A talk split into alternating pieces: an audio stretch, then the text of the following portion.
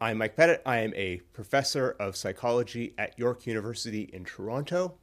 I was originally trained as a historian of science and medicine, uh, but I'm part of York. At York in Psychology, we have a program dedicated to the uh, historical, theoretical, and critical studies of psychology, of which I'm a part.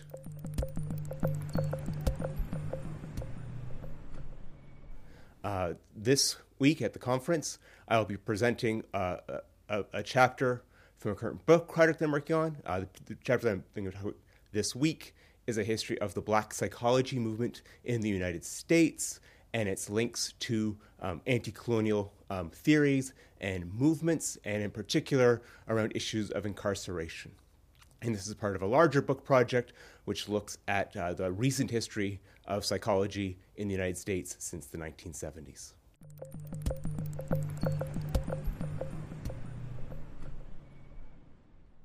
So I think culture is one, I think, a very interesting and contested uh, keyword for both historians and psychologists. Um, in psychology, we talk about cultural psychology, cross cultural psychology, and transcultural psychology. So, thinking exactly what is the work of the cultural and the universal um, is, I think, an important one. As someone who largely focuses on North American psychology, I'm very much interested in what we say as you know provincializing that kind of global universal psychology and thinking about its kind of its local historical embed, embed, embeddingness.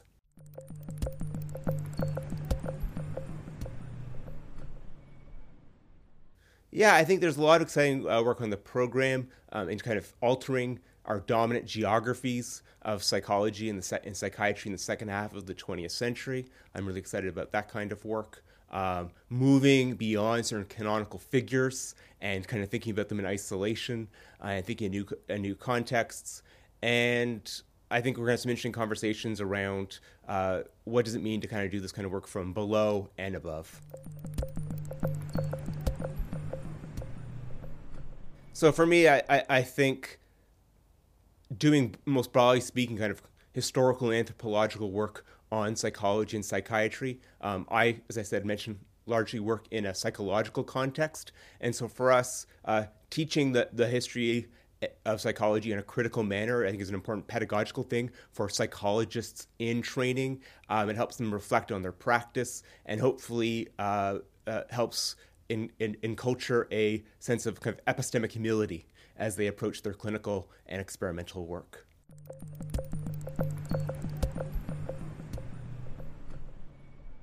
You know, right now in psychology and history, there's a lot of concerns around race and racism.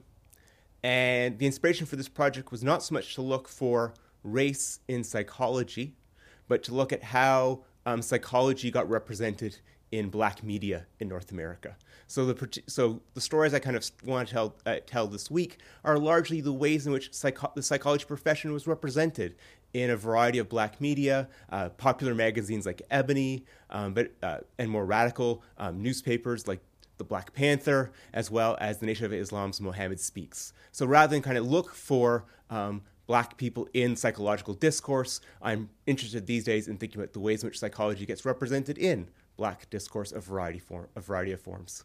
You know, I think so. So I think one of the things that kind of really surprised me is actually how prominent psychology is in these underground newspapers and and kind of even glossy magazines of the 1970s. And so, yeah, there's you know uh, much like you would find in other popular magazines of the time period. Uh, magazines like Ebony during the 1970s almost always has an article about psychology, and I think that I think tells us a very different kind of story than we've been telling about for example, popular psychology.